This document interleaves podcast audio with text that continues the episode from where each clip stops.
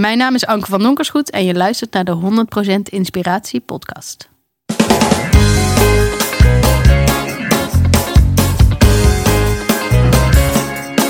Hey, wat goed dat je luistert. Hij staat weer voor je klaar. Je wekelijkse dosis inspiratie is weer daar.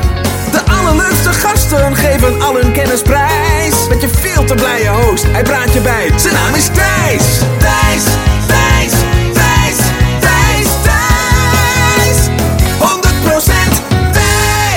Welkom bij aflevering Intens 103. En als je deze aflevering op tijd hoort, dan heb je nog een paar uur de tijd om tickets te kopen voor de 100% Inspiratieshow met 10 euro early bird korting. Die actie stopt namelijk op 1 augustus. Vanaf dat moment zijn de kaarten 32,50 euro, maar daarvoor nog 22,50 euro. Nu kan ik me natuurlijk ook goed voorstellen dat je expres wacht tot 1 augustus, omdat je denkt, ja Thijs, ik gun jou gewoon dat tientje extra. Ik vind dat je zulke toffe dingen doet. Ik gun die show 32,50 per kaartje. Nou ja, als je dat doet, dat vind ik natuurlijk super bijzonder. En koop dan ook gewoon uit symbool precies op 1 augustus je kaartje. En zo niet zou ik denken, ja, maak gewoon gebruik van die 10 euro korting. Je kunt nu nog extra voordelig je ticket kopen. Nou, wat is die show dan? Uh, het is een combinatie tussen een seminar waarin je veel gaat leren over geluk... en een avondje uit waarbij je vooral heel veel gaat lachen. Oftewel... Uh, je ontdekt hoe je nog gelukkiger kunt worden tijdens een leuk avondje uit. Neem gerust ook je vriend, vriendin, uh, vrienden, collega's, buren, whatever. Neem ze allemaal mee. Van Houten tot Groningen, Rotterdam, Eindhoven en Hoofddorp. Overal in Nederland sta ik. Dus check voor die tickets mijn website thijslindhout.nl. Dan nu naar de gast, of beter gezegd gastin van deze week. Dat is Anke van Donkersgoed. En allereerst thanks Annemarie Geersing. Want Annemarie heeft mij een mailtje gestuurd. En dankzij haar zit Anke deze week in de aflevering. Dan over Anke. Um, ja, ze doet ontzettend veel. Ze heeft heel veel projecten, waaronder FC De Krachtpatsers, Tribe of Women, Doorbreek het Taboe de Dood. Maar dat zijn allemaal projecten waar we het niet over gaan hebben. We hebben het uitgebreid over Stichting Breekjaar in dit interview. En dat is een stichting die biedt een inspirerend jaar. Eigenlijk een jaar waarin je ondergedompeld wordt in persoonlijke ontwikkeling en persoonlijke groei. Speciaal voor Um, jongeren die tussen middelbare school en hun beroepsopleiding een tussenjaar willen om meer te leren over het leven en over zichzelf. Ja, ik denk dat je het met me eens kan zijn dat dit een waanzinnig initiatief is. Um, we leren ook Anke goed kennen in het interview en deze stichting, wat voor mooie dingen ze daarmee realiseert. Daarom vraag ik je aandacht. Hier is Anke van Donkersgoed. 100% Thijs. Zitten we dan in een oude gymzaal? Nu, helemaal Yes. gepimpt tot de headquarters van, eh, van Breekjaar. In elk geval de headquarters in Utrecht. En tegenover mij zit Anke. En eh, Anke, wat wil je worden als je later groot bent? Wat wil ik worden als ik later groot ben? Nou, ik vind mijn leven op dit moment eigenlijk heel gaaf. Ik heb het gevoel dat ik echt kan creëren waar ik voor sta. En dat, nou, ik, ik word nu moeder ook nog. Ehm, ja, ik weet eigenlijk heel goed wat mijn waarden zijn. En ik merk dat ik ook een houding heb van, nou ja, het leven kan ook heel erg veranderen. Dus ja, wat wil ik laten worden? Ehm, wat, wat het gaat zijn. ja, ik laat me daarin heel erg verrassen. En eh, vind het juist ook mooi om het open te laten. Ja. Mooi. Dus ongetwijfeld heb je natuurlijk echt wel concrete plannen voor Breekjaar. Wat jullie willen bereiken. Maar als je naar het leven breed kijkt. Als ik dat zo goed hoor in jou. Zeg je van nou ja, het leven is gewoon heel veranderlijk. En ik sta eigenlijk open voor wat er komen gaat.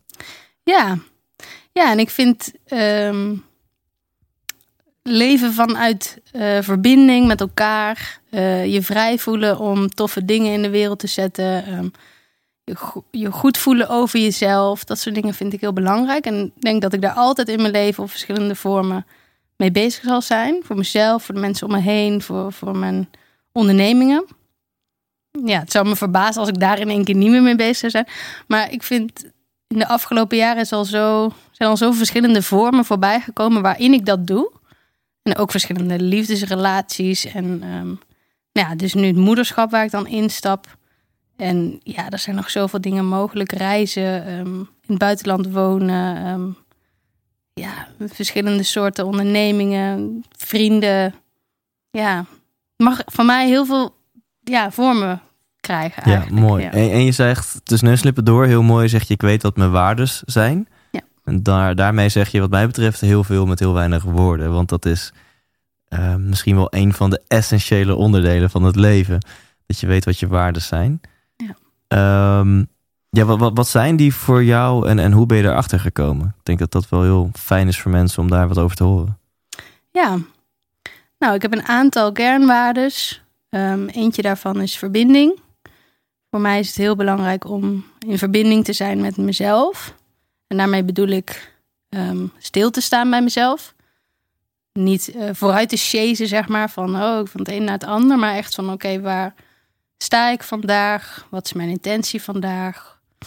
Waar ik behoefte aan? En in respect met mezelf eigenlijk te leven. Maar ook in verbinding met anderen. Dus echt, als ik iemand ontmoet, dan wil ik diegene echt ontmoeten. En ik merk dat ik steeds minder goed eh, vluchtig, zeg maar, vluchtigheid vind ik niet meer zo leuk. Ja. Ik ga graag ja, voor een echt gesprek of eh echt ontmoeting.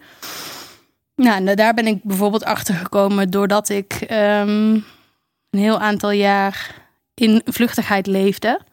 Ehm, bij een studentenvereniging zat waar iedereen langs elkaar heen keek en alleen maar over koetjes en kalfjes lulde. En ja, dus oppervlakkig contact. ja, nou ja, en dat, ik dacht dat ik dat leuk vond. Totdat het op een gegeven moment eh, mijn lichaam zei van eh, dit wil ik niet meer. Ik had ook een kantoorbaan waar ik eigenlijk op leeg liep. Omdat dat eigenlijk ook heel oppervlakkig was. En ja, toen ik 22 was eh, ben ik daar gewoon helemaal ja, een soort van burn-out van geraakt. Of bijna burn-out. Ik heb niet daar heel lang onder hoeven lijden gelukkig. Maar eh, ja, ik viel wel flauw. En daarna was de energie op. Wow. En de, je Ja. was 22, zei je? Toen was ik 22 Ja, ja. En, en dat was na je studie? Of tijdens je Ja. studie? Oké, Nee. daarna. Ja. Ja. Ja, dus ik heb heel braaf zeg maar gedaan wat van me verwacht werd. Ja. School en dan studeren en dan een studentenvereniging en nog een baantje daarnaast. En ik had een leuk vriendje en ehm, ja, ik had echt wel een leuke tijd. Maar langzaam ging ik steeds verder weg van mezelf en steeds meer meedoen met Ja. ja, het plaatje. En daar eh, ben ik gelukkig vrij vroeg, dus op mijn 22e helemaal in vastgelopen. Ja. En waar mensen die ik dan van die tijd nog ken, eigenlijk nog steeds heel vrolijk en fijn in leven, ja, werkt er voor mij gewoon niet meer. Ja. Maar we drijven een beetje af. Ja, want hier wil ik eh, het zo meteen.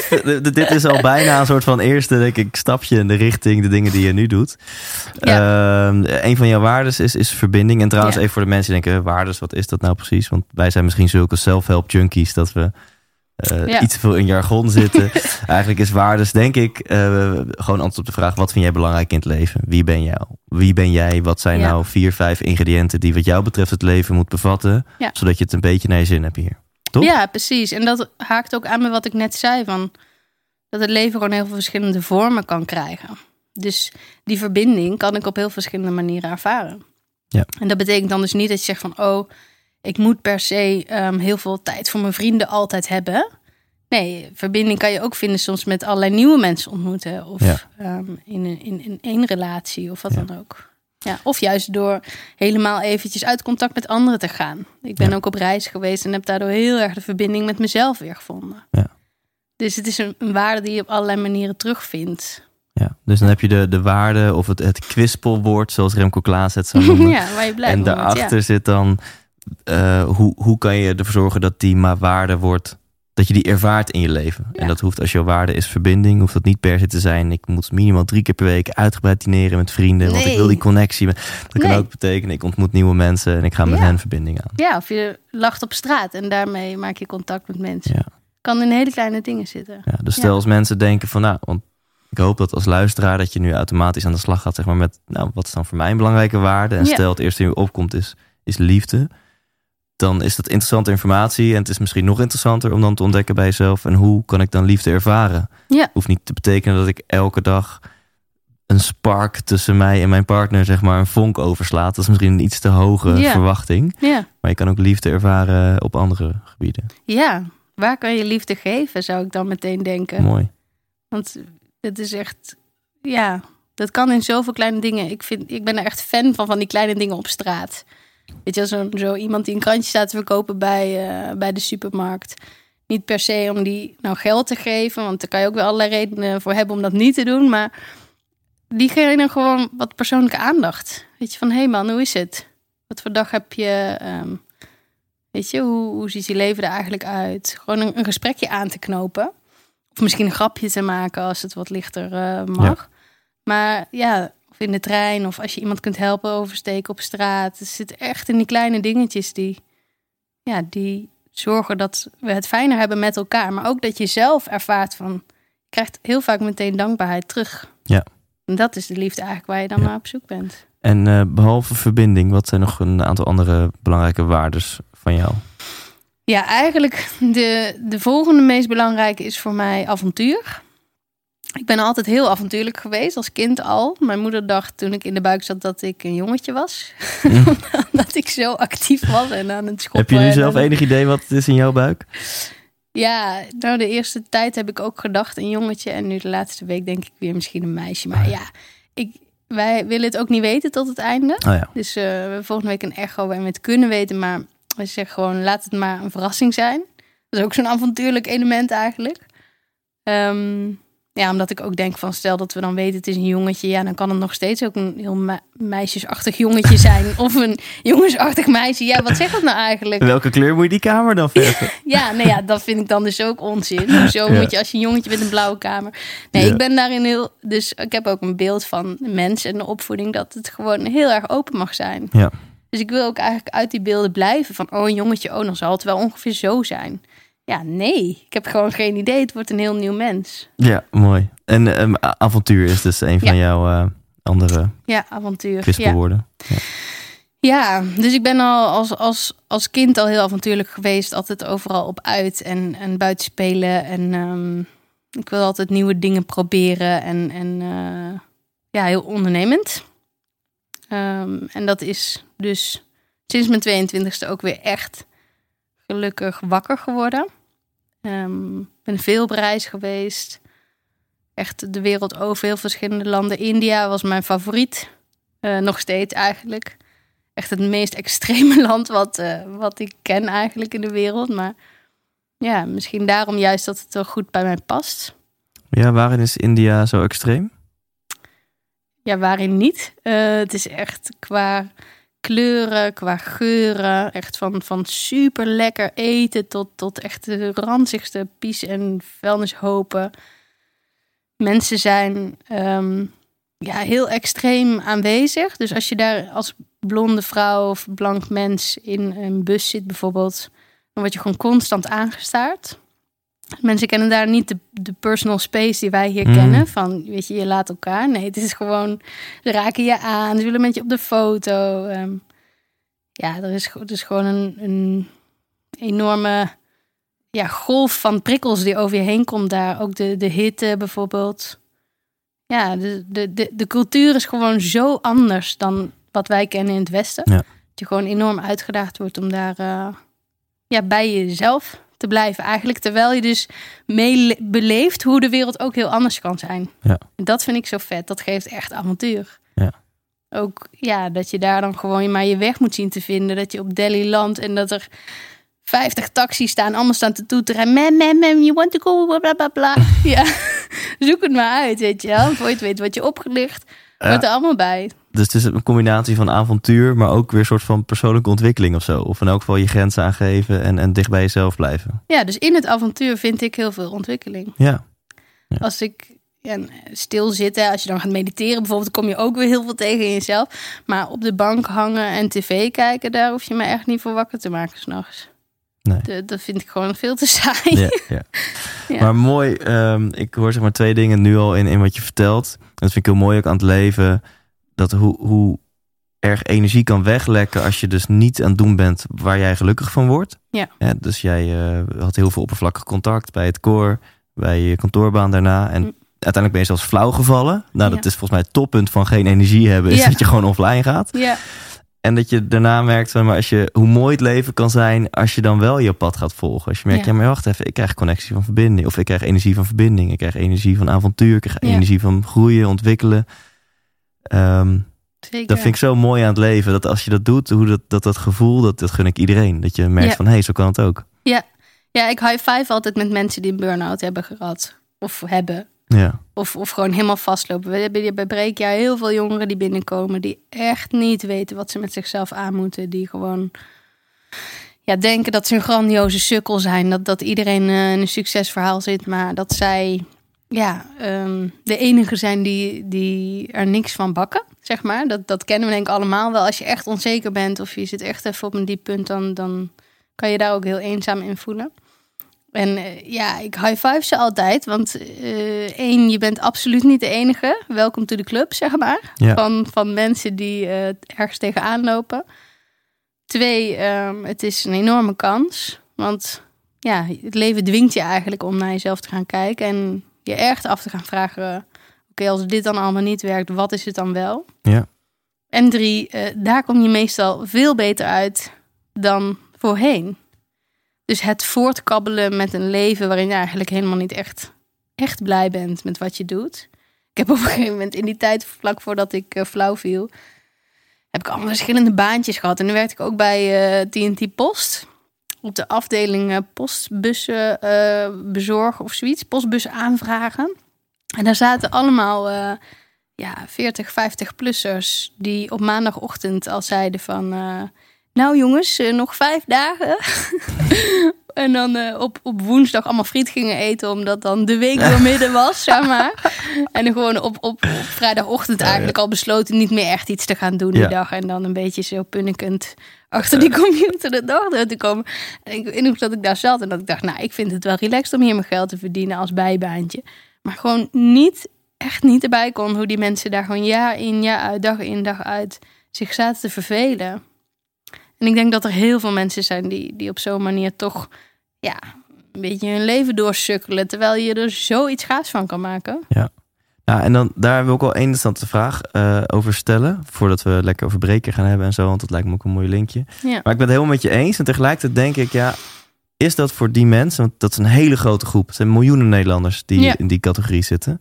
Is dat echt wel ook voor iedereen weggelegd om dus jou, eh, om, om te gaan investeren in je persoonlijke groei, om je, Ja. je passies en talenten te ontdekken, bla bla bla, om dus zeg maar die, die acht van het leven te gaan maken? Ja.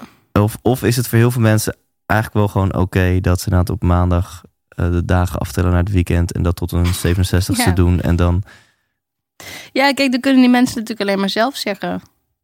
Het is, niemand kan ooit voor iemand anders besluiten wat het beste voor je is. Of wat, eh, dat je dat eigenlijk zou moeten doen om gelukkig te zijn. Je kan alleen maar zelf weten wat, wat jou gelukkig maakt. En ja, dat is ook zeker waar. Het is ook mijn perspectief vanuit mijn leven... dat, dat iemand er eigenlijk Ja. veel meer uit zou kunnen halen. En eh, nee, dus daar kun je eigenlijk niet over oordelen, ben ik het wel mee eens. Ik denk wel dat heel veel mensen in een slaapstand staan. Ja. En op het moment dat ze wakker geschud zouden worden, of door zichzelf of door iemand anders, of meestal dat er dus iets ergs gebeurt in je leven, eh, en de, de ballen hebben, zeg maar, om daar dan Ja. ook echt aandacht voor te hebben en die kans hè, van de pijnlijke confrontatie met je leven eh, ook echt te nemen, dan denk ik dat ze daar wel achteraf gezien heel veel uit zouden kunnen halen, ja. Ja. En, en echt blij mee zouden zijn.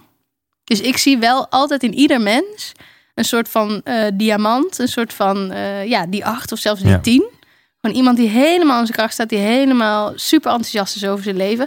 Op zijn of haar manier. hè, Want je hoeft natuurlijk niet een, een eh, extravert persoon te zijn die altijd heel enthousiast overal rondhopst om helemaal gelukkig te zijn. Je kan ook dat in, in, in een hele introverte vorm vinden. Ja. Maar ja, ik denk wel dat mensen nog veel meer kunnen beleven en ook toe in staat zijn om bij te dragen aan de wereld dan ze denken. Ja. Dus ik zal dat wel altijd blijven uitdagen Ja, bij mooi. mensen. Ja, ja. Dus je, je, gunt het die mensen dat ze Ja. wakker geschud worden. Ja, en tegelijkertijd, eh, weet je, ze moeten het echt zelf willen, anders gaat er niks Ja, gebeuren. Ja, Dus absoluut. ik vind het bijvoorbeeld wat jij doet met je show, dat je gewoon mensen prikkelt. En juist ook mensen die het misschien niet per se willen horen. Dus die niet eh, al op de plek zijn om naar een seminar te gaan of whatever. Maar die gewoon een leuke avond willen. Ja. Dat die toch eventjes zo, oh ja, wacht even. Dat kan een zaadje zijn wat later ja, heel veel kan betekenen. Ja.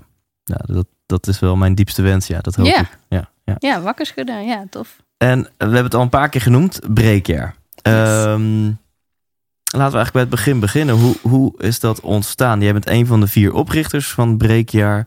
Maar iemand die nu luistert, die weet misschien niet eens wat het is. Ja. Eh, dus kun je eens wat vertellen over het, eh, de, de aanleiding, zeg maar. Het, het zaadje waar- wat jou motiveerde met drie anderen om dit te gaan beginnen. En Ja. dan komt in je verhaal vast ook wel wat het precies is. Ja, ja, zeker. Nou ja, toen ik eh 22 was, wat ik net vertelde, ben ik dus helemaal vastgelopen. Ehm, en ben ik op reis gegaan. En ja, vanuit echt helemaal opnieuw moeten uitvinden wie ik zelf was. ehm, kwam ik er ook achter van, wat is het gekke eigenlijk dat je al die dingen die zo belangrijk zijn, eh, zoals het opbouwen van zelfvertrouwen, maar ook ja, gewoon tijd besteden aan de vraag, wat ga ik nu met mijn leven doen? dat daar zo weinig aandacht voor is op school. En dat we eh, Frans en wiskunde en aardrijkskunde moeten leren. En wat doe je daar dan nog eigenlijk mee in je leven? Ja, die kennis die je dan in je hoofd stampt en die toets eh, herproduceert en vervolgens weer vergeet. Slaat het op in vergelijking met ja, die belangrijke basislaag of zo van zelfkennis en zelfvertrouwen. Nou, dus daarover verwonderde ik me omdat ik daarin zelf vastliep. Ehm, en kwam ik er dus achter op reis, maar ook toen ik yoga ging doen en boeken ging lezen en retretes ging doen en zo. Hoe, hoe vet ik dat eigenlijk vond. Ik, ik ben op een gegeven moment weer zo bij mezelf gekomen dat ik echt zingend over straat ging gewoon. Echt, dat was ook de tijd dat ik voor het eerst een ecstasy-pilletje nam. Maar dat ik dat gevoel ook echt kon hebben los van zo'n drugsmiddel, zeg maar. Echt merkte van wauw, ik, ik voel me zo levend en bruisend. En ik kan gewoon de wereld aan en ik kan vette dingen gaan creëren. En nou, ik, ik was gewoon helemaal vergeten dat dat gevoel er überhaupt was. Ik denk dat ik dat als kind eh, ergens, eh, ja, ergens van losgekomen. En daar kwam ik echt weer bij terug. En ja, en daar was ik zo enthousiast over, ben ik nog steeds. Dat, ja, dat is gewoon een vlam die niet meer uitgaat, zeg maar. Hoop ik tenminste. Mhm. Denk ik ook wel. Maar ehm, ja, dus ik ging daarover nadenken van wat, wat, wat kan ik daarmee? En natuurlijk dacht ik eerst nog in de bestaande structuren van oké, waar kan ik een baan vinden wat ik daar iets mee kan doen? Of welke studie? Ik heb nog overwogen om helemaal opnieuw te beginnen met een studie eh, psychologie. Gelukkig niet gedaan. Ehm, ja, en toen kwam ik eh, in een zomer, toen was ik zelf 23 of 24, kwam ik eh, Piet tegen. Een van de andere oprichters. Ja, en dat was op een festivalletje ergens in België in het bos met allemaal lijpe eh, creatievelingen, telefoons uit. Dat was echt zo'n ja, zo'n zo'n gek festivalletje waar ik heel veel mensen ontmoette. En hij kwam naast mij zitten in de chill en ah, ja, we begonnen te kletsen. En het ging eigenlijk meteen over eh, wat maak je mee in je leven en wat boeit je nou echt. En ik vertelde over dat ik zo in de put had gezeten en dat ik eigenlijk zo blij was met hoe het nu ging en dat ik daar iets mee wilde. En toen zei hij van, nou wauw, dat klinkt echt precies als waar ik telkens mee bezig ben. En ik heb een idee en dat heet Breekjaar. En dat is eigenlijk een jaar voor alle jongeren in Nederland die na de middelbare school met deze vragen rondlopen. Waarin ze gewoon alle vette dingen kunnen doen die jij en ik nu ook al hebben meegemaakt. En we kunnen nog veel meer dingen bedenken en verzamelen. En dat stoppen we allemaal in één jaar. Gaan ze dat met elkaar meemaken. En ehm, ja, komen er als superhelden uit, zeg maar. Eh, en eh, nou, dat sloeg gewoon in als een bom. Tof. En dat moment eh, is voor mij breekjaar geboren eigenlijk. We zijn toen nog met twee anderen erbij. Ehm, ja, een jaar later ongeveer hebben we echt het startsignaal gegeven van we gaan het gewoon doen. Ik heb nog onderzoek gedaan met Bernard Liefgoed College in eh, Driebergen. Daar heb je ook zo'n vrije, ehm, ja, vrije jaar noemen ze dat. Meer antroposofische inslag. Ook heel mooi, maar ja, wat traditioneler, zeg maar. Werk je veel met kunsten en theater en poëzie en filosofie. En ik merkte toen ik daar onderzoek deed van... Ik wil veel liever echt dicht bij de beleveniswereld van een jongere staan. Zeg maar van, oké, hoe ga ik gewoon om met mijn telefoon en de WhatsApp? En hoe maak ik nu een studiekeuze? Of hoe ga ik om met mijn vader en mijn moeder die zo op mijn nek zitten? Gewoon van die hele ja, concrete dingen. En ehm, nou ja, zo hebben wij ehm, daar een, echt een basisidee van gemaakt. En toen hebben we ook gezegd, dit moeten we echt samen gaan doen.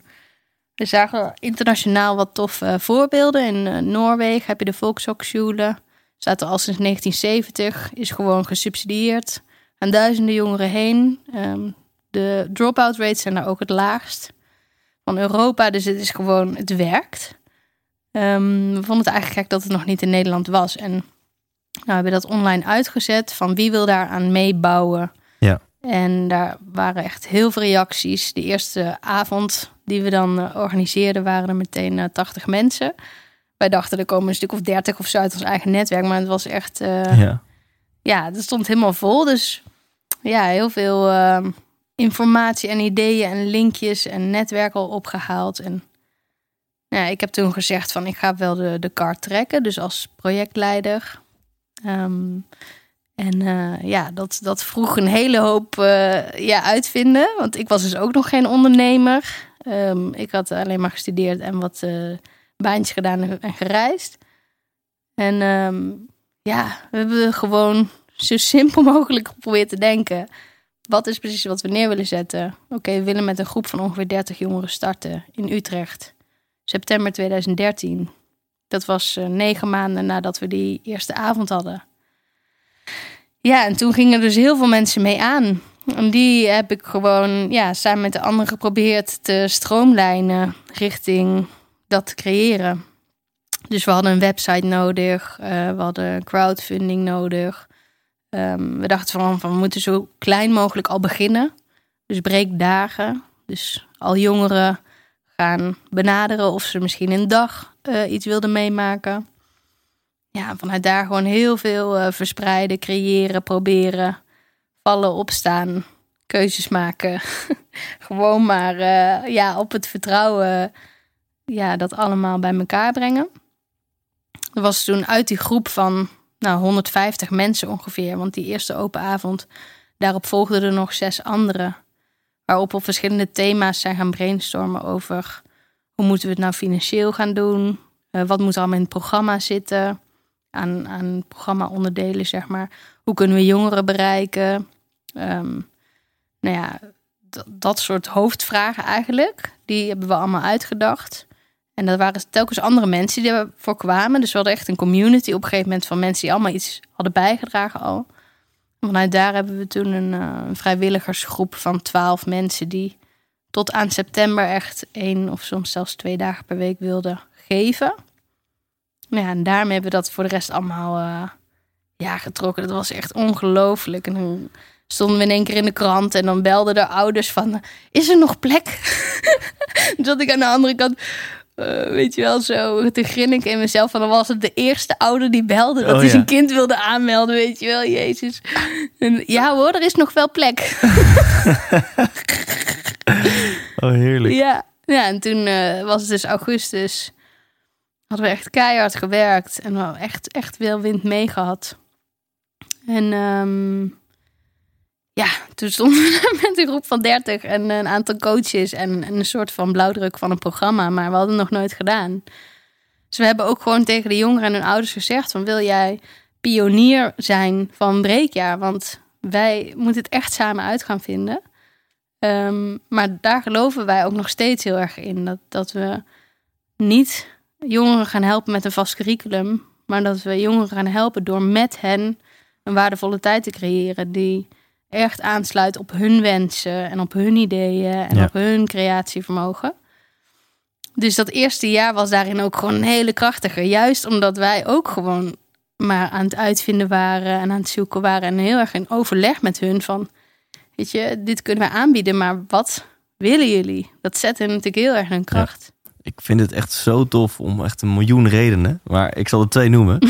Eh, Ten eerste omdat ik ehm, spreek natuurlijk heel veel mensen die iets doen op het gebied van training, coaching, persoonlijke ontwikkeling, seminars, eh, motivational, inspirational. En bijna iedereen, en ook in deze podcast is het vaak voorgekomen, roepen mensen, eh, bijna iedereen roept wel van, nou ja, het liefst zou ik wat met kids willen doen. Weet je, Mm. middelbare scholieren of, of tieners. Of, want daar is het zo belangrijk. Ja. Maar ja, om heel eerlijk te zijn, bijna niemand doet er wat mee. Het blijft bij zo'n stille wens van, van heel veel mensen, inclusief mijzelf. Ja. Dat vind ik zo tof dat jullie ook die wens hadden en gewoon in actie zijn gekomen. Precies wat je zegt van ja, hadden geen idee hoe. En we zijn er maar gewoon begonnen met eerst dagen. Dat, dat de jongeren al één dag konden geven. En weet je, je hebt het wiel echt niet van tevoren kunnen uitvinden. Je bent Nee. erachter gekomen door in beweging te komen. Ja, zeker weten. Ehm, dat vind ik echt heel tof. Ja, thanks. En de tweede reden is dat, ja, we vinden dus allemaal dat, dat er veel te weinig ruimte is voor, voor persoonlijke groei, voor eigenlijk, ehm, zeg maar, life lessons. University of Life, zeg maar, zou wat meer in het middelbare school en ook in het beroepsonderwijs mogen. Ehm, en volgens mij is dit de perfecte periode tussen je middelbare school en je beroepsopleiding in. Ja. En niet voor niks dat heel veel mensen dan ook besluiten, ik ga een jaartje werken, ik ga een jaartje reizen. Ja. Eh, en jullie dompelen ze dan een jaar lang onder in persoonlijke ontwikkeling en zelfkennis. Ja. Ja, het liefste zouden ze natuurlijk nog veel eerder eh, benaderen en bereiken met deze, met deze lering, zeg maar. Maar ja, zolang daar zo weinig ruimte is in het onderwijs, ja, is dit gewoon een heel mooi eh, gat. En wij hebben dus ook geen eh, struggle gehad met wat je heel veel mensen in het onderwijs ziet doen. Dus maar worstelen om maar ruimte te krijgen of geld los te krijgen om hiermee bezig te kunnen zijn. Ja, wij zijn gewoon buiten het schoolsysteem gaan staan. Ja, En Gewoon, we zijn een onafhankelijke organisatie. We Ja. zijn een stichting. We maken geen winst. Maar ehm, ja, we draaien wel self-sustainable. Dus we hebben ook geen subsidie. Maakt wel dat het jaar eh, ja, best wel wat kost. Een jaarprogramma is, is eh, ruim eh eh 88.000 euro. Of eh 8.800 Oh, wat zeggen. Ik dacht even, wow, dit is echt high class voor de elite. 8800 Ja, euro hebben we Bijna een ton. Ja, ja, nee, ja. eh, nee, een heel stuk minder gelukkig. Maar Ja. wel nog steeds heel veel geld. Ja. Dus bijna 9000 euro. En dat, ehm, ja, dat moeten de jongeren in principe zelf op kunnen brengen. We hebben ook wel nu een fonds wat ondersteunt. Dus waar dat niet lukt, kunnen we bijspringen. Dus in die zin wordt het al een heel stuk makkelijker. Ehm, maar ja, je moet wel zelf die verantwoordelijkheid willen nemen. En vaak kunnen ouders daar een stukje ondersteunen. Of een opa en oma of een potje hier of daar. En als dat er dus niet is, hebben wij dan eh, het fonds. Ehm, maar ja, het is dus niet zoals dat als je naar een vervolgopleiding gaat, eh, dat de overheid gewoon eh 70% pakt en jij nog ergens 1500 euro moet betalen. Ja. Ehm, en heel veel jongeren schrikken daarvan. Eh, die zeggen gewoon meteen, oh, dat heb ik niet en dan eh, klaar. Mhm. Dat, dat snap ik ook. Wel jammer, want eh, het is een super leerzame ervaring om ja, zelf aan geld te komen, zelf te werken ook binnen het programma. Want de helft van de week is zeg maar werktijd om het programma te kunnen betalen. Dus investeren in je eigen ontwikkeling ja, zet ook heel erg in je kracht. Dus het loskomen van papa en mama betalen alles voor mij. Ja. Maar op een gegeven moment merken van oké, ik kan ook zelf kiezen om het geld wat ik verdien in mezelf weer te stoppen. En daar word ik eigenlijk Ja. alleen maar rijker van, zeg maar. Eh, dat is ook allemaal onderdeel van het programma. Dus ja, ook ehm, het wegwijs worden met geld en investeren zit daar ook in op die manier. Ja. En eh, je ziet ook dat ze, omdat ze zelf voor een groot gedeelte betalen, echt gemotiveerd in het programma zitten. Dus waar ze op Ja. school natuurlijk zoveel mogelijk spijbelen, zeg maar, is het hier sowieso al wel omdat we het heel leuk maken. We doen veel energizers. Ehm, ja, we werken gewoon heel interactief. Ehm, echt een afwisseling in het programma van hart, hoofd, handen. Dus hè, het, het kwetsbaar delen over waar zit je nu eigenlijk. Wat gaat, gaat er in je om of wat is in je leven gebeurd. Naar in actie komen en nou ja, bijvoorbeeld een heel festival opzetten. Wat ze dan als einddoel hebben in het jaar. Ehm, en dus nou ja, het, het fysieke. Dus we gaan ook op kamp, de natuur in, eh, boomhutten bouwen, rituelen, nou noem het maar op. Ehm, ja, die combinatie maakt het heel leuk. Maar soms is het ook wel confronterend. Het kan ook zo zijn dat je denkt van... pff, nou eh, heb ik even geen zin of zo. En het feit dat je dan zelf betaalt... Ja, maakt wel dat je dan toch Ja. vol ervoor gaat. Ja, dus je kan het zien als, van, nou, het is ongeveer 2,5 dag per week. Eh, ja, studieles, ik weet niet hoe je het noemt. In elk geval eh, Programma, ja. programma. Ja, En 2,5 dag per week werken. Je zou het natuurlijk ook gewoon kunnen zien als, het is gewoon een fulltime jaar. Ja. Vijf dagen per week. Ja. Wat dan in principe kosteloos is. Omdat je dan in dat jaar ook dezelfde euro's verdient. Die, eh, nou ja, en met 2,5 dag per week werken een jaar lang kom je er nog niet mhm. met het bedrag. Dus dan kom je een heel eind. Ja. En het ligt ook een beetje aan je leeftijd. Als je 17 bent, dan verdien je echt heel weinig. Ja. Als je 19 of 20 bent, kan je al best wel flink aanpoten. Maar eh, ja, je komt wel meer in die richting, ja. Ja. Zou een goede marketing insteek ja, ja, zijn. Er zijn vast heel veel ouders die een creatieve constructie bedenken van nou, Ja. ik verdubbel je loon of zo. En dan op die manier Ja, eh, nee, zo gaat zoon of dochter kan je zelf. eh, ja, precies. Ja. Ja. Ja, tof. En eh, je, je noemde al wat snippets over het programma, maar kan je daar nog wat meer over vertellen? Want ik denk dat dat mijn luisteraars en ik heel interessant vinden van waar Ja. gaan ze dan dat jaar mee aan de slag? Nou, we gaan eh, om te beginnen op kamp. Dus we hebben een groep van 30 jongeren en eh, drie basiscoaches. En dat zijn de coaches die het hele jaar het programma draaien, zeg maar. We hebben nog een heel aantal trainers die invliegen en verschillende ehm, ja, elementen toevoegen. Ehm, en dat startkamp gaat echt over de verbinding. Dus ehm, veiligheid creëren met elkaar om echt te kunnen zijn, zeg maar. Veel jongere mensen lopen gewoon rond met maskers. Kennen we allemaal. We Ja. doen ons leuker voor, we doen ons beter voor. En dat is super vermoeiend, maar dat is ook niet constructief als je jezelf wilt ontdekken. Ja. Want ja, dan ben je dus niet echt jezelf. En daarmee kun je ook niet echt achterkomen wie je nu bent. Dus nou, dat eerste kamp staat helemaal in het teken van ehm, dropping the waterline noemen wij dat dan. Als je ehm, jezelf of een mens zou kunnen vergelijken met een ijsberg, dan hebben we vaak het water op een heel hoog niveau staan. Net zoals iedere ijsberg, je ziet alleen maar het topje Ja. eigenlijk. Nou, maar onder het water, wat je dus niet ziet, zit er onwijs veel. Dus we laten dan on- onze buitenkant zien, of wat we willen laten zien. Maar daaronder zit bij iedereen, nou, eh, verdriet, eh, maar ook verliefdheid, talenten die we niet durven laten zien, ehm, dromen, nou, noem maar op. Ehm, en daarmee, daar gaat het echt over, dat we elkaar echt mogen zien. Nou, dus dat is meestal heel indrukwekkend voor de groep meteen, dat we echt zo'n echtheid vinden. Misschien ken je het programma Over de Streep. Ja. Nou, dat zijn werkvormen die daar in de basis voor ons zijn. Dus als je dat programma hebt gezien, dan zie je hoe diep dat gaat, zeg maar. En hoeveel verbinding dat creëert. Super mooi. Ik ben ook, nou, wij zijn allemaal getraind door de oprichters daarvan. En hebben ook goed contact met hun. En nou, ik ben zelf ook wel gemotiveerd om in de toekomst ook challenge days te gaan doen. Omdat het gewoon zo'n impact maakt op jongeren. En echt dat gevoel van eenheid en van we zijn allemaal hetzelfde. En we hebben respect voor elkaar eh, brengt. Wat ik jammer vind daar is dat het echt maar één dag is. En dat het dan ook weer heel snel verwaait. En binnen breekjaar werken we daar dus een jaar op, Ja. zeg maar. Nou, dan weet je een beetje wat, die, ehm, wat de basis is. Waar we ook dus een jaar lang op werken. En, en we zeggen altijd, als de groep afdwaalt van die, eh, dat niveau van echtheid, dan geven we dat altijd voorrang. Dus als er onveiligheid komt in de groep, dat mensen met over elkaar gaan roddelen of wat dan ook, of je voelt gewoon een, weerstand, dan gaan we daar altijd eerst aandacht aan besteden. Om weer eigenlijk ja, de onderstroom vrij te maken, dat iedereen helemaal zichzelf kan zijn en dat je daar ook weer verderop kan ja, je workshops doen en kunt Ja. flowen. Nou, dus dat is dan het introkamp. En dan zitten we eigenlijk in de eerste fase eh, van het programma. En daarin staat alles in teken van eh, jezelf, dus ik. Ehm, en het breken noemen we dat ook wel. Eh, in, in het jaar ga je zeg maar door breken, beleven en bouwen. Dat zijn een beetje de fases. En de eerste fase hangt ook samen met jezelf. De volgende is dan ik en de ander. Dus meer in de persoonlijke relaties en dan ik in de wereld. Nou, en die eerste fase ehm, ja, ga je dus nog verder op onderzoek naar jezelf. Van wie ben ik nou eigenlijk en hoe ben ik zo geworden? Dus je schrijft bijvoorbeeld een biografie.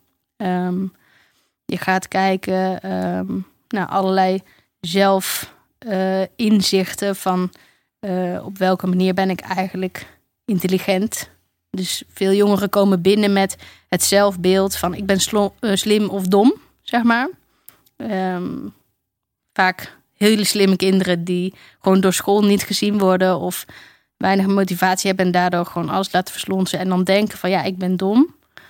Ehm, en wij hebben dan bijvoorbeeld een workshop die gaat over de acht verschillende intelligentievormen, waarin iedereen eh, op een bepaalde manier heel intelligent is.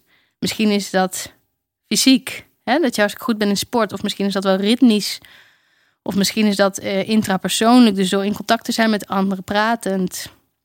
Nou ja, als ik dat bijvoorbeeld geweten had eh, tijdens mijn studie, dan had ik niet eindeloos zoveel uren in die readers zitten lezen, waar ik gewoon super moeilijk het van kon onthouden. Maar dan had ik een praatgroepje gestart. Ja. En dan waren we gewoon over de stof gaan kletsen. Dan had ik het geweten. Het was veel leuker geweest. Ja. Dus nou, dat zijn al openbaringen voor hun. Die gaan over hun zelfbeeld. Ehm, maar ja, ook belemmerende overtuigingen. Dus wat, ja, wat denk je eigenlijk allemaal over jezelf? En heel vaak komen ze dus binnen met best wel een low self-esteem. Ja. Nou, ehm, we gaan ook boksen bijvoorbeeld. Meteen vanaf het begin. Dus we hebben een fantastische bokstrainer die heel goed die link kan leggen tussen het boksen en het, hoe sta je fysiek ten opzichte van je tegenstander. Ehm, en hoe dat echt spiegelt hoe jij eh, mentaal, emotioneel ook in elkaar zit en hoe je meestal beweegt in je leven. Dus ik ben bijvoorbeeld eh, tijdens het boksen heel vaak ga ik heel snel in de aanval. Omdat ik eigenlijk bang ben dat iemand mij een klap wil verkopen. eh, ga ik gewoon meteen de, erop af, zeg maar. Maar ehm, daarmee verlies ik meestal de, het contact met mijn basis. Oh ja. Dus ehm, nou, daar word ik altijd op gecorrigeerd van ga eens naar achter hangen, Anke. Weet je wel, ga eens gewoon ehm, stevig in je, in je eigen centrum blijven staan. En dan kan je veel beter reageren op wat er gebeurt. En ook een klap uitdelen op het moment dat, het, dat er een kans zich voordoet. In plaats van dat je er al op afgaat, zeg maar. Nou, dus dat zegt heel veel over jezelf. Maar het zet je ook echt in je kracht. Dus fysiek, maar daarmee ook emotioneel en mentaal. Ja, wat doen we nog meer? Ja, dus, dus het Heel eerste veel. gedeelte zei is, heet breken. Dat is heel erg staat ik centraal. Ja. Hè, dus dat denk ook wel je waardes ontdekken. Het tweede gedeelte heette beleven, zei je dat?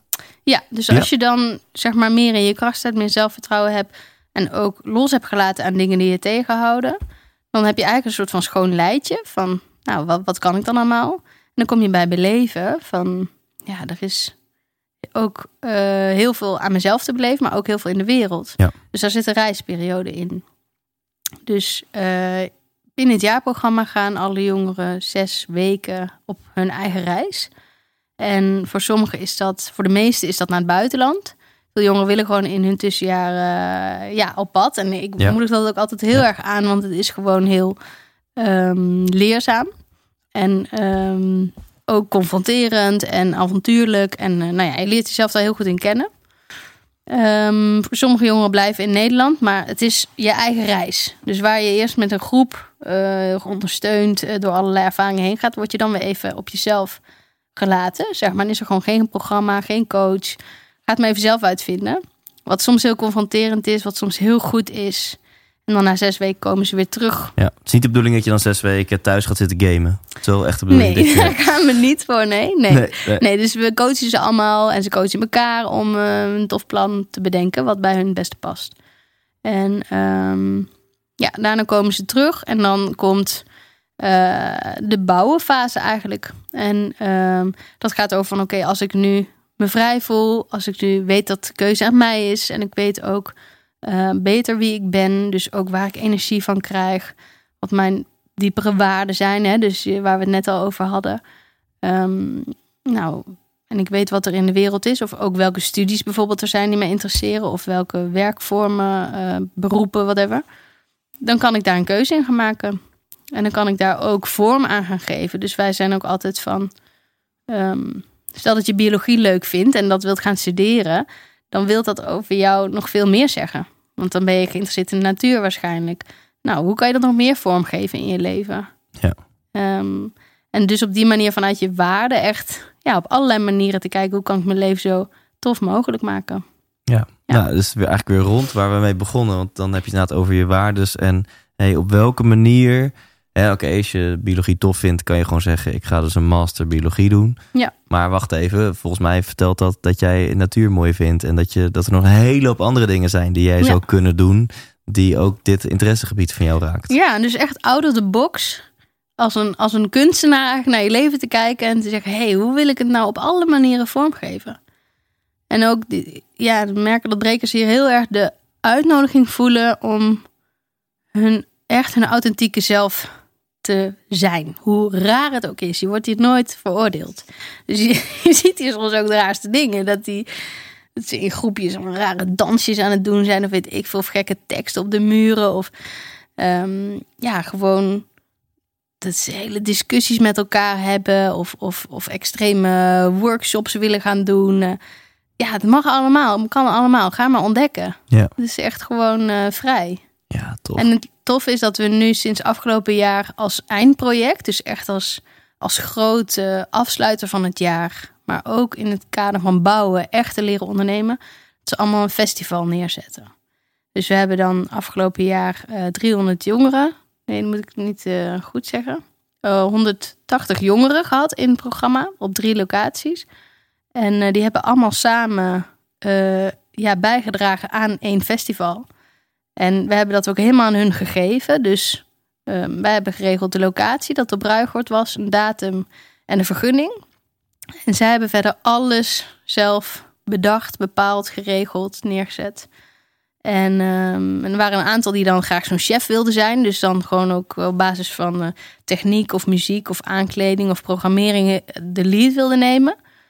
En een hele hoop hebben gewoon eh, ja, hun eigen kraampje of hun eigen muziekstuk of hun eigen ehm, workshop. Nou, er was super veel verschillends en inspirerends daar te beleven die dag. ehm, neergezet.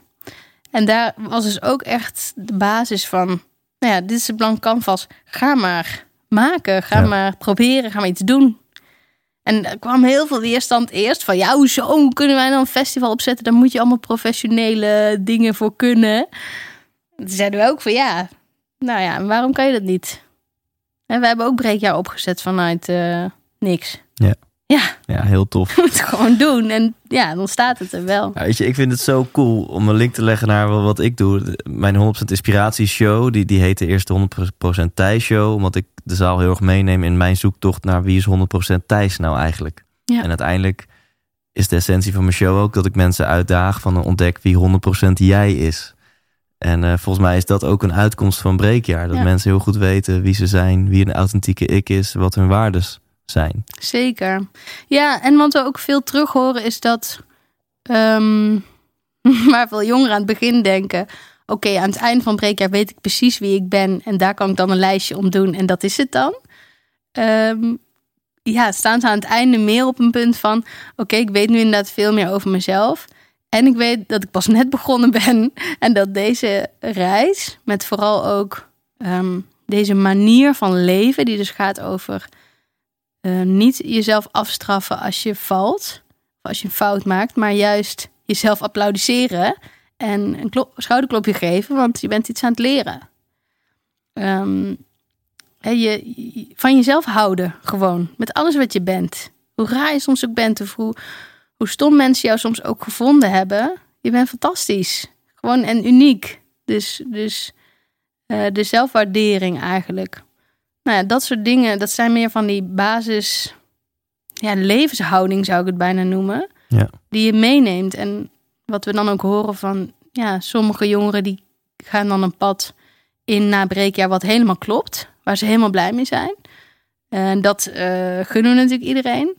Maar er zijn er ook een heel aantal die dan een studie kiezen... wat het dan toch ook weer niet is. Maar daar zijn ze dan niet meer zo van ondersteboven. Ja, Dan is het gewoon van shit, oké, dit is ook niet.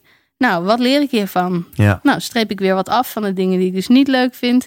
Hmm, wat wil ik nu wel echt? Oké, ga ik dat weer doen. Ja, er is wel een bepaalde mindset geïnstalleerd van, Ja. weet je wel, verandering hoort bij het leven en hoe kan ik heel wendbaar omgaan met Precies. eh, vallen, want dat is eigenlijk een succes. Ja. Ja. Ja, en ehm, dus ook af van de mindset. Ja, eigenlijk een beetje uit het oude denken komt, waar veel ouders nog steeds wel op sturen. Van Ja, er moet één ding zijn wat je gaat doen in je leven.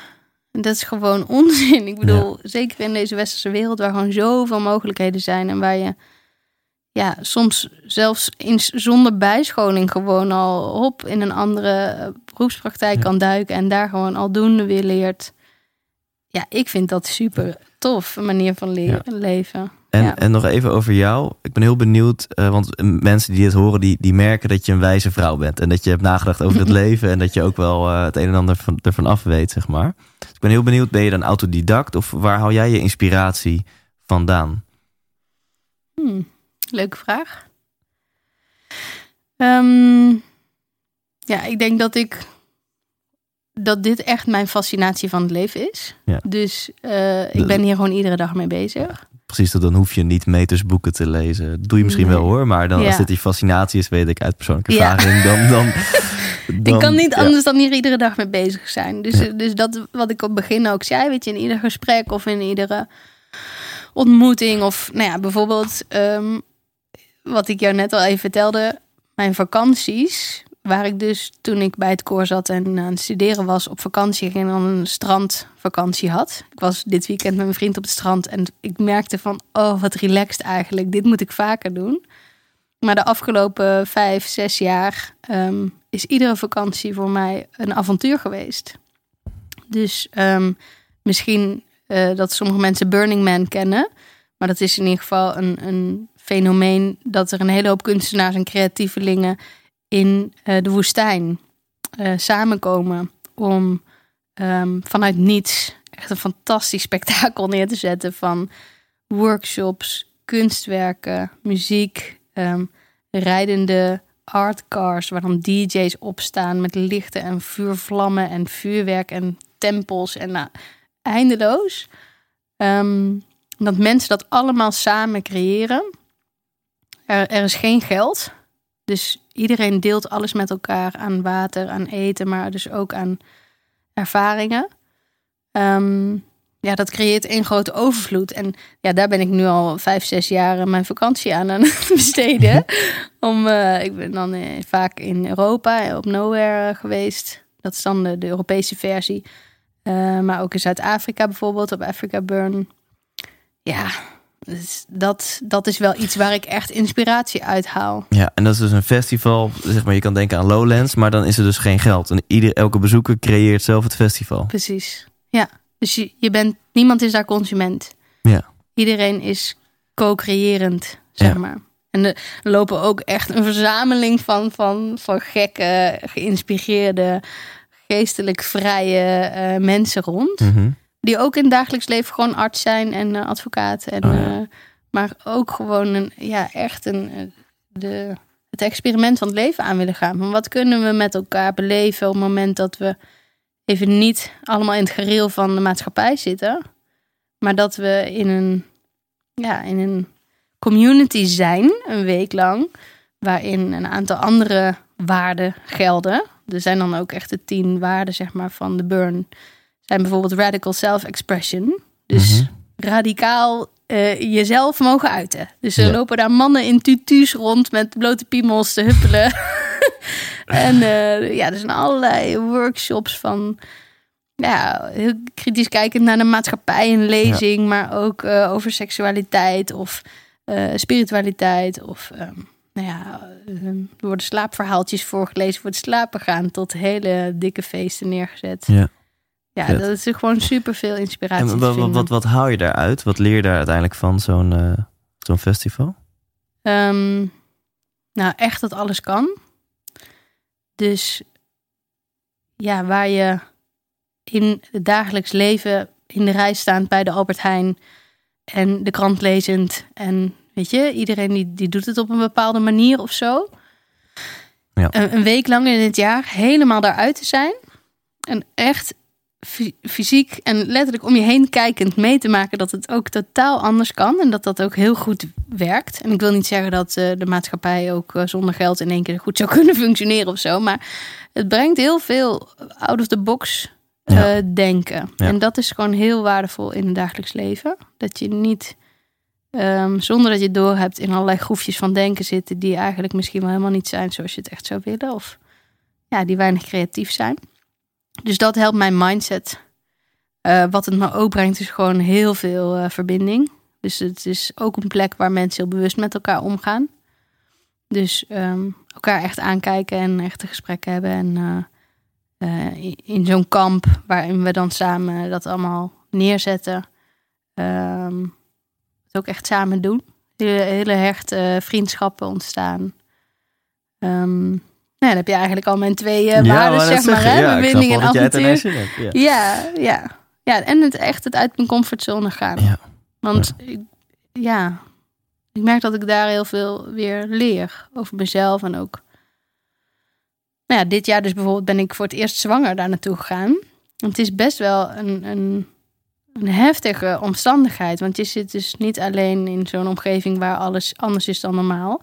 Maar het is ook woestijn. Dus het is echt super heet. Overdag is gewoon 40 graden. Dus ja, de overdag is het ook gewoon een beetje in de schaduw eh, bijkomen. Ja. Ehm, en ja, met zo'n kleintje in mijn buik was dat best wel Ja, snap ik. even anders. Dus ja, hoe daar dan weer ook met mezelf echt in respect mee te zijn. En ja, de, de, de stretch van mijn comfortzone vinden. Ja, was super leerzaam weer. Die, die kleine heeft in elk geval een hele leuke experience Ja. al eh, op jonge leeftijd. Ja, dat denk Ja. ik ook. Ja, goed. Hey, en je vertelde net ook dat je, dat je op een van je laatste reizen, geloof ik, dat, dat je twee keer een, een bepaalde week hebt gedaan. Ja, volgens mij, eh, subtiel gezegd, houdt het in dat je gewoon een week lang je smoel moet houden. en heel veel moet mediteren. In de Vipassana bedoel je? Ja, de, de, die, die meditatieweek die je hebt gedaan. Kun je daar eens wat over vertellen? Oh ja, ja zeker. Eh Vipassana heb ik gedaan in India en in, eh, in Argentinië. En dat is over de hele wereld kun je dat doen.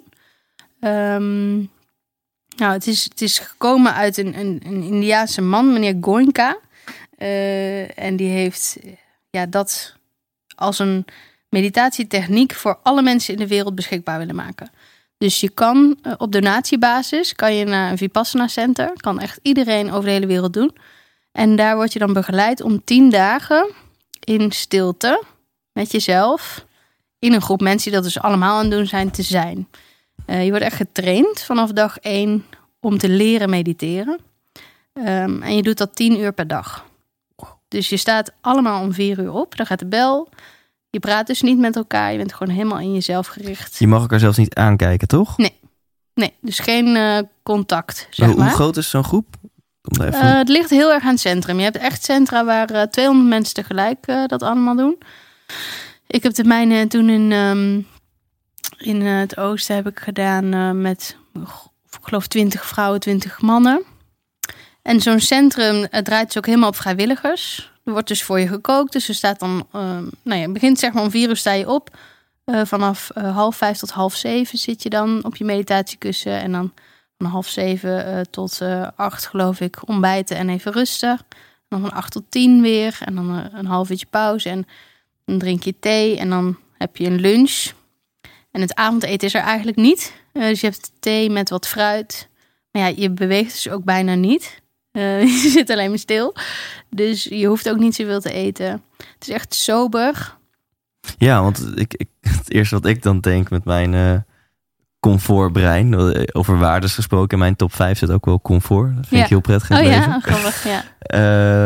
Maar dan denk ik weer van, oh, is dan wel een lekker resort en een zwembadje en een relax. Maar nee, het is juist Nee. allemaal, dat valt allemaal tegen. Nee, ja, dit is allemaal minimaal. Het gaat er juist ook over dat je erachter komt dat al die externe factoren in het leven, van comfort, van ehm, nou ja, contact met andere mensen, van, van eh, materialisme, dat allemaal ja, steeds meer los leert laten.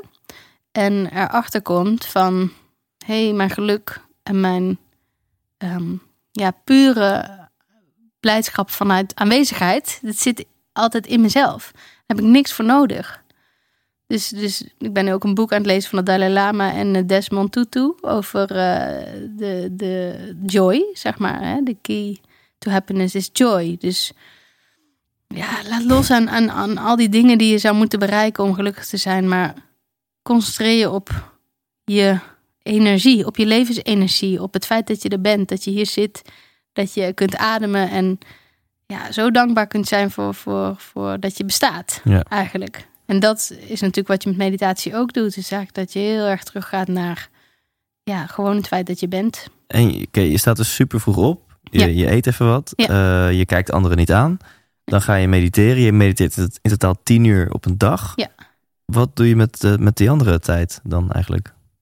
Slapen? Ja, 16 uur lijkt me wat, wat fors. Nou ja, je, dus je, hebt, eh, je wordt wakker, je, je mediteert, je hebt ontbijt, je, je mag dan ook nog wat rusten. Dus het is heel, eigenlijk heel intensief om te mediteren. Eh, Je denkt van, oh, dat is lekker rustig. Maar ga maar eens mediteren. Dat maakt je echt... Je, je wordt er een grote concentratie van je brein vereist. Ehm, dus in de middag slaap je bijvoorbeeld een uurtje. En eh nou ja, s'avonds zit je weer tot negen uur. Om half tien ga je ook echt slapen, want om vier uur eh, gaat de wekker weer, zeg maar, de bel. En Dus- ook denk ik geen telefoon en geen Insta, Nee, alles nee, gewoon. Maar alles. Lezen mag zelfs ook niet, Nee, denk ik dan. Nee, je mag ook niet schrijven. Jeetje. Ja. En, Zo, ehm, je wordt echt alles hoe- waar, waar je aan vast kunt houden, moet je afstaan. en, en die, Ja. die meditaties, die duren soms wel een paar uur. Anders hou je die tien in totaal natuurlijk niet. Ja. Ehm, hoe, hoe is dat? Is dat echt kleermakers zit, eh, ogen dicht en je wordt begeleid? Of Ja. hoe? Ja, dus er zijn eh, bandjes eigenlijk die eh eh, Goenka dus heeft ingesproken. Die je echt vanaf dag één, zeg maar, Ah, helpen. Dus de eerste dag ben je alleen maar bijvoorbeeld bezig met te concentreren op de ademhaling rond je neus. Dus als je, ehm, zeg maar, je concentreert op het gevoel wat de adem die uit je neus komt over je bovenlip, zeg maar, strijkt. dat is zeg maar het enige waar je op eh, moet focussen. En daarin word je dan elke keer weer teruggebracht daar naartoe. Nou, de volgende dag ga je iets groter gedeelte van je neus en de- je neusvleugels, zeg maar, concentreren.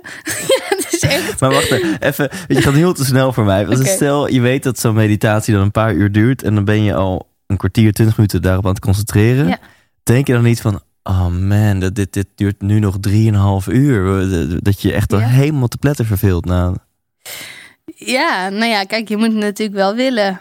Je moet, wel, Ja, je, moet wel, ja. je moet het wel willen. Je moet tien dagen aangaan en, en, en ook echt nieuwsgierig zijn naar wat je tegen gaat komen. ja. Dus als je dat eigenlijk niet wilt, je moet jezelf er elke keer toe, naartoe dwingen en dan wordt het heel vermoeiend. Oké. Je hebt ook echt wel mensen die uitstappen halverwege, hoewel ze dat natuurlijk niet eh, aanmoedigen.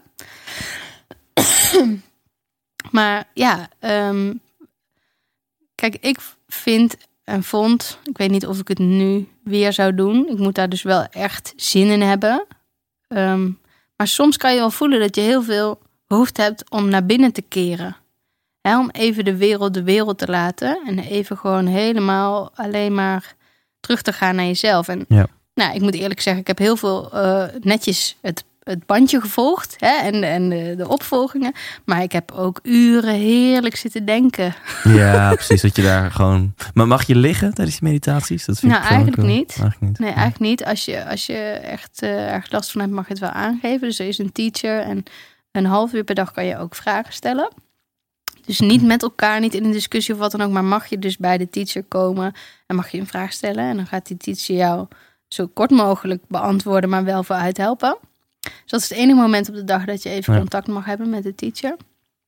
Ehm, nee, maar verder eh, wordt het juist opgevoerd. Dus op het begin mag je nog wel eh, veranderen van houding.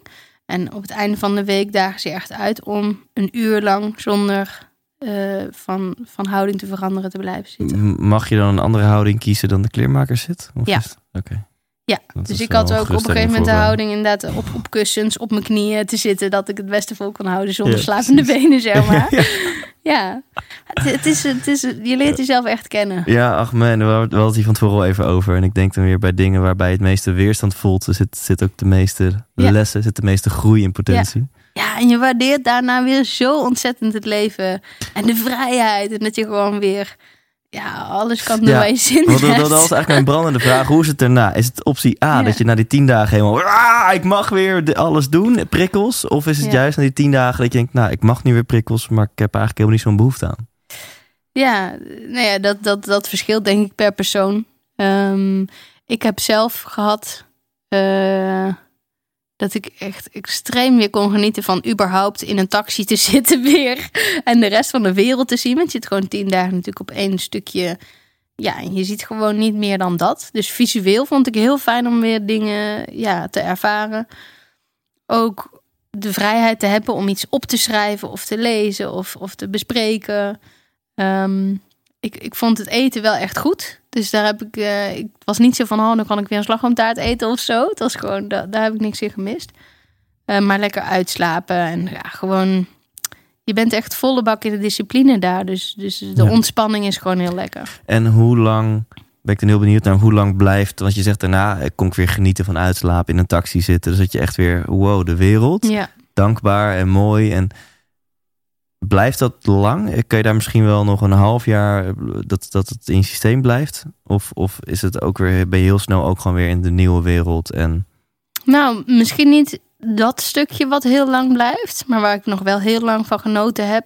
En waarvan ik ook mensen ken die ieder jaar een Vipassana doen. Daarom is dat je echt diep geworteld op een plek in jezelf komt van rust. Dus ik heb nog echt weken, misschien wel twee maanden na de Vipassana heel makkelijk kunnen mediteren. Want ja, dan zit je s ochtends een half uurtje. Dat is dan natuurlijk helemaal niks. Uh, terwijl nu is het alweer een tijd terug voor mij. Dat is alweer twee jaar geleden. En ik merk dat ik nu weer erg moeite heb om mezelf te disciplineren om s ochtends echt te zitten. En elke keer als ik het doe, dan merk ik van, oh, dit is zo goed. Weet je wel, om die ruimte tussen jezelf en de wereld te creëren. Dus niet gewoon meteen weer die prikkels binnen te laten komen. Maar eerst de ruimte en echt die space te vinden van ik zit en ik ben. En oh, er komt iets op me af. Wat ga ik daarmee doen? Want dat is eigenlijk wat het je geeft. Hè? Ook gewoon heel veel ruimte om eerst te voelen van wat wil ik hiermee? In plaats van meteen reactief te zijn op wat het leven op je afgooit, zeg maar. Ja. Dus het, het, ja, dat, dat, dat geeft het echt gewoon heel veel space voor jezelf. En, dat is heel effectief. En dat is misschien wel mooi om mee te eindigen. Want mijn laatste kernwaarde eigenlijk, die gaat op dit moment in mijn leven echt over creëren vanuit ontspanning. Dus ik heb heel veel hard gewerkt. Ik heb heel veel ehm, ja, vanuit mijn uh, gedreven persoonlijkheid ook gewoon superveel uh, gedaan. En ik merk dat um, mijn missie, zeg maar, om mensen echt in verbinding te brengen met zichzelf, met elkaar en een betere wereld te creëren, zeg maar. Dat is uiteindelijk ja, waar ik echt heel veel in hoop bij te dragen in dit leven. Um, dat ik die eigenlijk nog veel beter vorm kan geven door zelf achterover te blijven zitten en in die ruimte van echt in contact met mezelf blijvend te blijven.